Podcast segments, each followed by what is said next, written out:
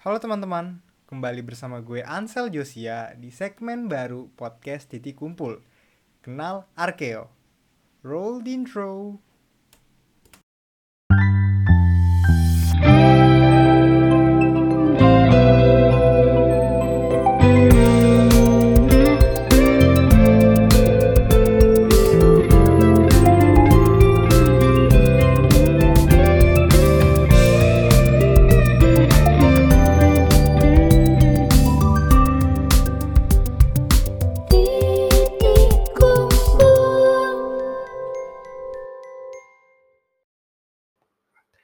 Nah, halo teman-teman, khususnya mahasiswa baru Arkeologi 2020. Selamat datang di jurusan kami. Gue Ansel Josia sekarang lagi bersama dua kating kalian, yaitu Muhammad Alnoza dan Garin Duyanto Parma Setiawan. Muhammad Alnoza adalah mahasiswa Arkeologi UI 2016 yang menjadi kandidat Mapres mewakili arkeologi di FIB UI untuk tahun 2019 tahun lalu. Nah, Muhammad Alnoza juga udah nge-publish paper Ekologi Politik dalam Perluasan Wilayah Sriwijaya dalam jurnal Sangkakala di tahun 2020. Noza udah lulus dan sekarang bekerja di Direktorat Perlindungan Kebudayaan Kemendikbud. Selain itu ada juga Garin, mahasiswa kating kalian 2017. Garin mewakili arkeologi la- lagi di uh, lomba Mapres tahun 2020 dan Garin tembus sebagai juara Harapan 3. Kegiatannya sekarang kuliah sambil skripsian, tapi Garin juga bekerja di Yayasan Budaya Cerdas sebagai pengawas pengawas. Oke. Nah, untuk teman-teman mahasiswa baru, kalian udah tahu belum sih arkeologi itu apa? Mungkin kalian pertama kali kena radiasi arkeologi itu dari media-media populer seperti film atau game. Eh, banyak nih listnya nih. Ada Uncharted kalau untuk yang suka main game. Ada juga film-film populer kayak Indiana Jones. Ada Tomb Raider. Ada The Mummy. Nah, ada juga yang paling realistis eh, Queen of the Desert. Mungkin teman-teman udah pernah nonton. Nah, tetapi mungkin film-film dan game-game tersebut tidak begitu mencerminkan bagaimana arkeologi sebenarnya. Soalnya ada juga beberapa konsepsi bahwa arkeologi itu nyari tulang, khas Jurassic Park. Ada juga yang arkeologi nyari batu. Misalnya nyari-nyari eh, prasasti, nyari-nyari temuan di bawah tanah. Nah, sekarang gue ingin bertanya kepada dua teman gue ini mengenai apa sih sebenarnya arkeologi itu? Mungkin mulai dari Noza kali ya.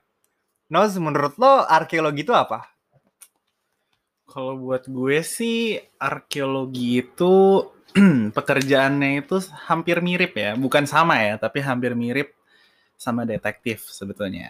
Karena eh kalau di sumber-sumber tertulis kan bilangnya arkeolog itu ya gue sih men- mentanda kutipkan itu ya. Karena dibilangnya kan merekonstruksi gitu kan ya. Apa mereka ulang gitu. Nah ya kalau memang di- bisa disamakan ya bisa disamakan dengan detektif karena detektif juga biasanya mereka ulang suatu peristiwa gitu. Nah, kalau kita bedanya dengan detektif yang kita reka ulang itu kebudayaan yang terjadi di masa lampau gitu. Dan eh, medianya apa? Medianya kita dapat dari benda-benda yang ditinggalkan oleh masyarakat masa lampau itu. Gitu. Gitu sih, Wah. Sel. Cukup cukup menarik ya. Nah, sekarang dari Garin nih. Menurut Garin, arkeologi itu apa sih? Eh, kalau menurut gua arkeologi itu sama seperti apa yang dikatakan Noza, ilmu yang mempelajari masa lalu eh, kebudayaannya melalui tinggalan-tinggalan materinya, entah itu bisa seperti artefak, entah itu ekofak atau mau lanskap pun segala bentuk itu bisa lah kasarnya. Nah, tapi mungkin kalau misalkan dikatakan merekonstruksi eh, buat gua kurang cocok karena kalau kita pakai istilah rekonstruksi mungkin uh, asumsinya kita nanti bahwa hasil kita itu berhasil menggambarkan secara 100% uh, kebenaran dari apa yang terjadi di masa lampau. Sedangkan seperti yang kita ketahui kan uh, apa yang terjadi di masa lampau tentunya di- hanya diketahui oleh uh, orang-orang yang yang hidup di masa itu dan tentunya mungkin uh, Gusti Tuhan kalau memang eh, emang ada gitu kasarnya gitu. Jadi ya lebih cocok kalau buat gua eh, mengonstruksi masalah ah, kebudayaan masa lampau. Mhm. Nah, jadi teman-teman udah paham ya, mulai paham, mulai dapat gambaran mengenai bagaimana sih arkeologi itu karena balik lagi arkeologi belajar benda. Yang kita belajar adalah objek-objek peninggalan masa lampau. Tetapi mungkin ada juga muncul pertanyaan, dinosaurus gimana?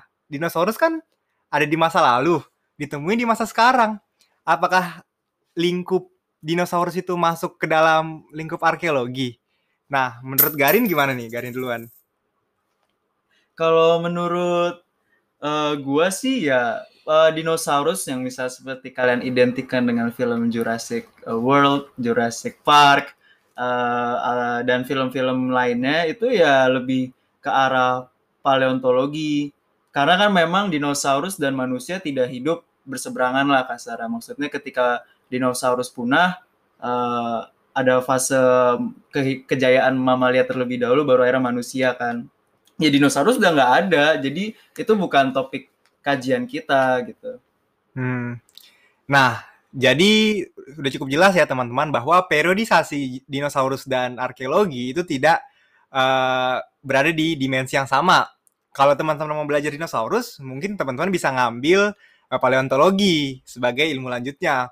Nah, tetapi ada juga yang berpikir kalau arkeologi itu sekedar nyari batu doang di bawah tanah atau mungkin nyari-nyari artefak seperti yang di film Indiana Jones seperti ya Crystal Skull atau uh, patung-patung ruby. Nah, menurut Noza gimana Noz?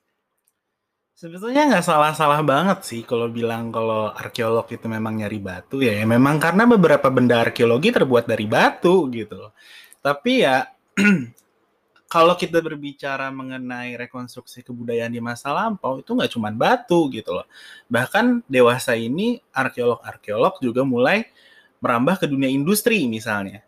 Jadi ada namanya eh, satu disiplin namanya arkeologi industri di mana even benda-benda seperti rel kereta, terus eh, apa eh, instalasi-instalasi listrik yang bahkan udah terlihat modern itu juga dibahas oleh arkeolog. Nah, tapi tet- tetap balik lagi kita kembali ke objektif dari arkeologi itu sendiri. Kita merujuk kepada rekonstruksi kebudayaan masa lampau di mana selama itu bisa kita jelaskan dan bisa kita interpretasikan sebagai benda yang kita bisa rekonstruksi masa kebudayaannya di situ sudah bisa dianggap benar gitu. Hmm. Uh, berarti udah jelas ya teman-teman bahwa arkeologi nggak mencari fosil dinosaurus dan nggak sekedar nyari batu doang. Nah, sekarang uh, pertanyaan untuk Noza nih, uh, ada konsepsi juga bahwa uh, untuk orang awam bahwa apa bedanya arkeologi dengan sejarah? Karena uh, banyak gray area atau garis abu-abu, area abu-abu antara uh, ilmu arkeologi dengan ilmu sejarah. Nah, menurut Noza sendiri, apa sih fine line between arkeologi dan sejarah? Silakan Noza. Hmm, sebenarnya kalau mau bicara perbedaan antara arkeologi dan sejarah itu saya sering, eh, gue sering banget dikasih petuah oleh para dosen gitu. Nanti juga mungkin teman-teman dapat gitu ya. Bahwa perbedaan yang paling jelas antara arkeologi dan sejarah itu adalah arkeologi itu data utamanya itu benda, sedangkan sejarah itu data utamanya itu sumber tertulis. Nah, kalau di arkeologi kebalikannya, di arkeologi data tertulis itu adalah eh, data kedua gitu loh. Kalau yang di sejarah data kebendaan itu adalah data sekundernya gitu loh. Jadi ketukar gitu loh Oke. antara sumber primernya sejarah dengan sumbernya arkeologi gitu. Karena memang objektifnya pun beda gitu loh. Kalau sejarah kita berbicara mengenai peristiwa di masa lampau, kalau kita berbicara arkeologi, kita berbicara kebudayaan yang skupnya juga lebih luas gitu loh. Hmm, Oke, Hmm. berarti udah jelas ya teman-teman bahwa ada fine line atau ada garis perbedaan antara arkeologi dan sejarah. Khususnya buat arkeologi UI Indonesia karena uh, arkeologi UI karena uh, arkeologinya kan namanya arkeologi Indonesia. Jadi tentu yang kita bahas adalah mengenai peninggalan-peninggalan yang ada di Indonesia. Nah, sekarang tadi gue udah menjelasin soal bagaimana kating-kating kalian ini udah punya uh, pekerjaan. Nah, untuk teman-teman yang masih bertanya, apa sih prospek kerja dunia arkeologi. Bagaimana gelar sarjana arkeologi mungkin di FIB UI Eshum, sarjana humaniora bisa membawa kita ke dunia pekerjaan. Karena dulu waktu gue SMA eh, ada dua tipe orang yang eh, ketika ditanya jadi arkeo, eh, arkeologi mau jadi apa ngejawabnya ada dua tipe. Ada yang pos, eh, pesimis sama ada yang optimis. Yang optimis adalah mengait-ngait mengait-ngaitkan eh, pekerjaan arkeologi dengan hal-hal yang eh, sifatnya industrial misalnya kerja di pertambangan atau uh, penelitian skala besar yang ada di Indonesia. Dan juga yang pesimis bahwa ya paling jadi arkeolog atau paling kerja di pariwisata. Nah, menurut Noza dan Garin nih, prospek kerja di- jadi arkeolog itu apa sih? Mungkin dari Garin atau Noza dulu? Garin dulu aja. Garin dulu, oke. untuk eh, eh, kakak-kakak kita yang udah lulus sebenarnya prospek kerja yang dipilih oleh mereka tuh variatif ya. Karena buat gua prospek kerja itu eh, suatu pilihan pada akhirnya lu ingin menekuni sesuai dengan bidang lu yang lu pelajari ketika kuliah atau lu mau mencoba mencari passion lu yang sebenarnya bukan di arkeologi misalkan. Atau karena saking lu kreatifnya lu akhirnya bisa men- menggabungkan keduanya gitu loh. Nah untuk yang di bidang arkeologi bisa aja misalkan eh eh, lu menjadi PNS karena memang institusi pemerintah yang bergerak di bidang arkeologi memang cukup banyak. Tinggal lu akhirnya mau concernnya itu lebih menjadi seorang peneliti atau mau menjadi seorang konservator gitu. Kal- Kalian ingin melestarikan atau ingin yang kerjanya mengkaji gitu.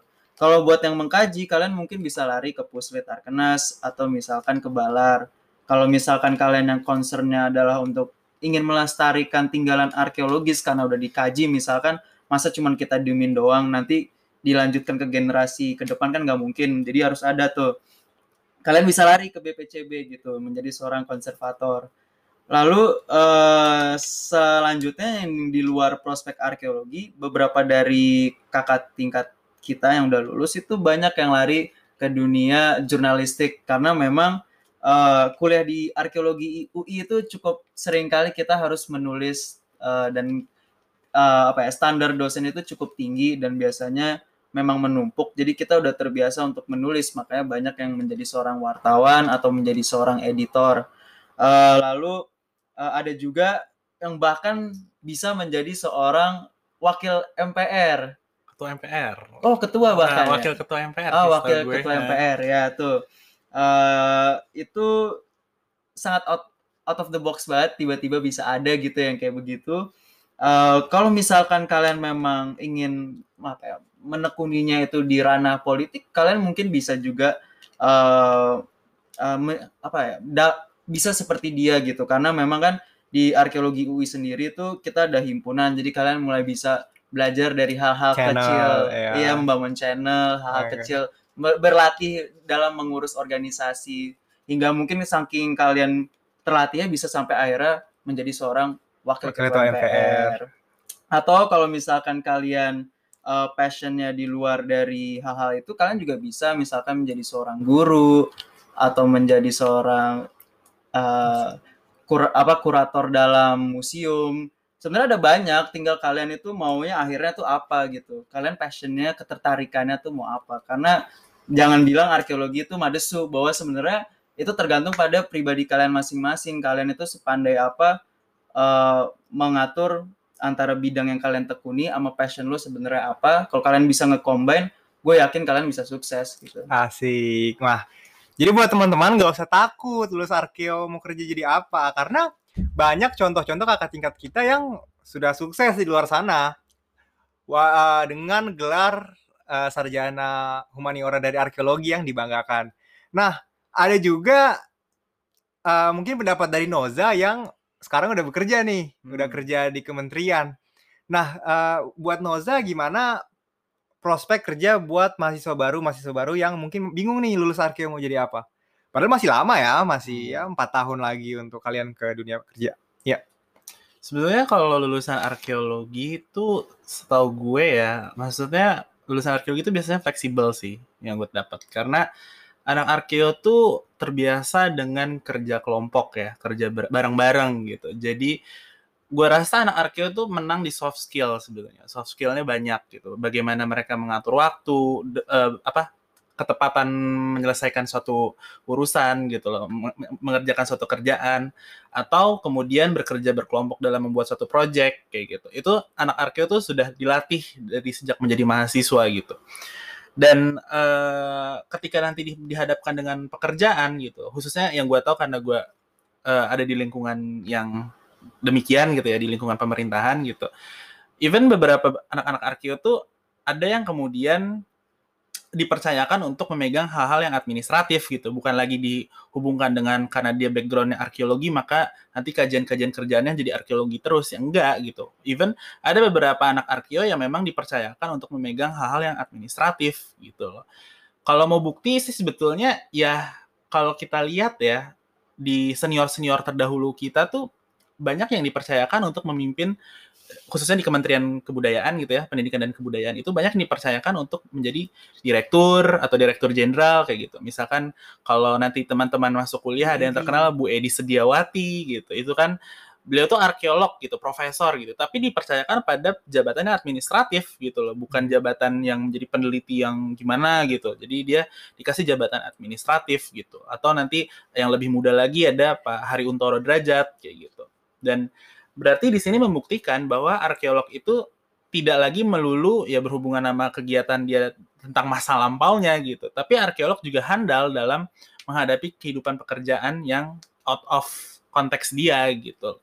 Karena soft skill dia sekali lagi memang sudah lebih unggul menurut gue sih kayak gitu. Hmm.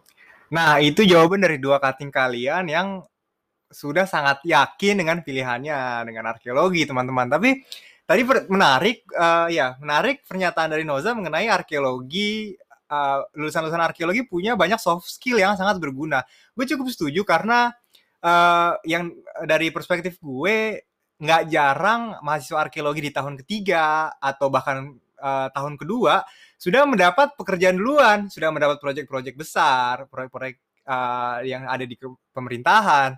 Jadi uh, sudah mulai terbangun organisasi uh, sifat-sifat uh, organisasi yang nggak sekedar hanya di kampus doang, tapi udah di luar kampus juga. Uh, misalnya gue sendiri juga udah uh, udah dapat proyekan misalnya di uh, salah satu yayasan yang ada di Kementerian Pendidikan dan Kebudayaan. Padahal gue masih di tahun kedua gue dan uh, hal-hal si- begini gue dapetin dari channel-channel dan soft skill yang udah mulai dibangun dari awal kalian masih menjadi mahasiswa baru. Jadi teman-teman gak usah takut sama sekali, gak usah malu sama sekali, karena gak ada alasan buat malu menjadi arkeolog, karena itu passion kita kan. Nah, sepertinya itu aja teman-teman untuk hari ini. Eh, pembahasannya sangat menarik hari ini mengenai eh, mengenai udah banyak kita bahas mengenai apa itu arkeologi, eh, apa itu perbedaan arkeologi dan sejarah dengan eh, geologi yang nyari-nyari batu, ada juga perbedaan paleontologi yang nyari fosil. Juga terakhir mengenai prospek kerja di dunia arkeologi dengan gelar sarjana eh, humaniora tadi. Nah, terakhir nih ada nggak pesan-pesan dari Garin dan Noza untuk mahasiswa baru nih? Apalagi kan kalian mahasiswa yang eh, first impression atau kuliah pertamanya adalah secara daring atau secara online. Nah, eh, dari Garin dan dari Noza ada nggak pesan-pesan nih buat mahasiswa baru? Nah, soalnya kalian mungkin belum tentu akan ketemu Garin sama Noza lagi, tapi mungkin mereka punya pesan-pesan nih buat kalian. Eh, dari Noza dulu gimana? Dari Garin dulu lah yang masih Eh, kuliah lah. Dari Garin yang masih kuliah, Ah, oke. iya. Eh, nah, sekarang mungkin dari Garin dulu nih. Gimana Rin? Ada nggak pesan-pesan buat mahasiswa baru? Ya, kalau buat gue, gue tahu sekarang kan lagi PSBB ya. Pertama, eh, mungkin cukup sulit kalian untuk eh, dibandingkan dengan belajar tatap langsung. Biasanya kalau gue rasain dari kemarin tuh eh, kualitas pembelajaran yang didapat itu lebih kurang lah dibandingkan kalau tatap langsung. Tapi eh, di sini jadi kalian harus bisa jadi lebih mandiri juga. Maksud gue, kan lu udah ke apa ya kasarnya udah kecemplung nih eh, masuk ke dunia arkeologi meskipun itu entah disengajai atau tidak disengajai. Kalau bisa sekarang nyelam gitu kasar. Bener-bener didalemin sesuai dengan ketertarikan kalian. Akhirnya entah mau di arkeologi tapi di bidang apa pokoknya tapi nyelam aja gitu. Bener-bener uh, niat gitu uh, menjalani uh, perkuliahan lu. Biar suatu saat nanti meskipun uh, uh, apa ketika kalian lulus mungkin kalian sebenarnya passionnya bukan arkeologi tapi karena kalian udah nyemplung uh, lu bisa mengcombine gitu misalnya ilmu arkeologi lu dengan passion lu yang sebenarnya gitu sehingga akhirnya membuka uh, jalur baru atau perspektif baru dalam dunia arkeologi gitu. Nah, cukup menarik tuh pertanya- uh, pernyataan dari Garin bahwa apa pun yang kalian jalani ngasih 100% ya. Jangan setengah-setengah di arkeologi. Mungkin ada juga nanti kalian yang merasa uh, arkeologi bukan jalan kalian dan kalian memutuskan untuk pindah, tapi selama masa kuliah kalian tetap kasih 100%, ingat ya. Nah, terakhir dari Noza nih, pesan-pesan untuk mahasiswa baru kita. Hmm, sebetulnya udah semua diomongin Garin sih. Cuman mungkin yang perlu di-highlight lagi adalah ketika lo masuk arkeologi itu sebetulnya harus lo kedepankan itu adalah pengalaman sih. Karena semakin banyak lo melakukan sesuatu itu berarti lo semakin berpengalaman kan gitu kan. Dan semakin berpengalaman lo, semakin lo dipandang sebagai seorang ahli gitu loh. Jadi gue selalu ngomong gini, ketika lo lulus jadi sarjana arkeologi, belum tentu ketika lulus lo jadi arkeolog gitu loh.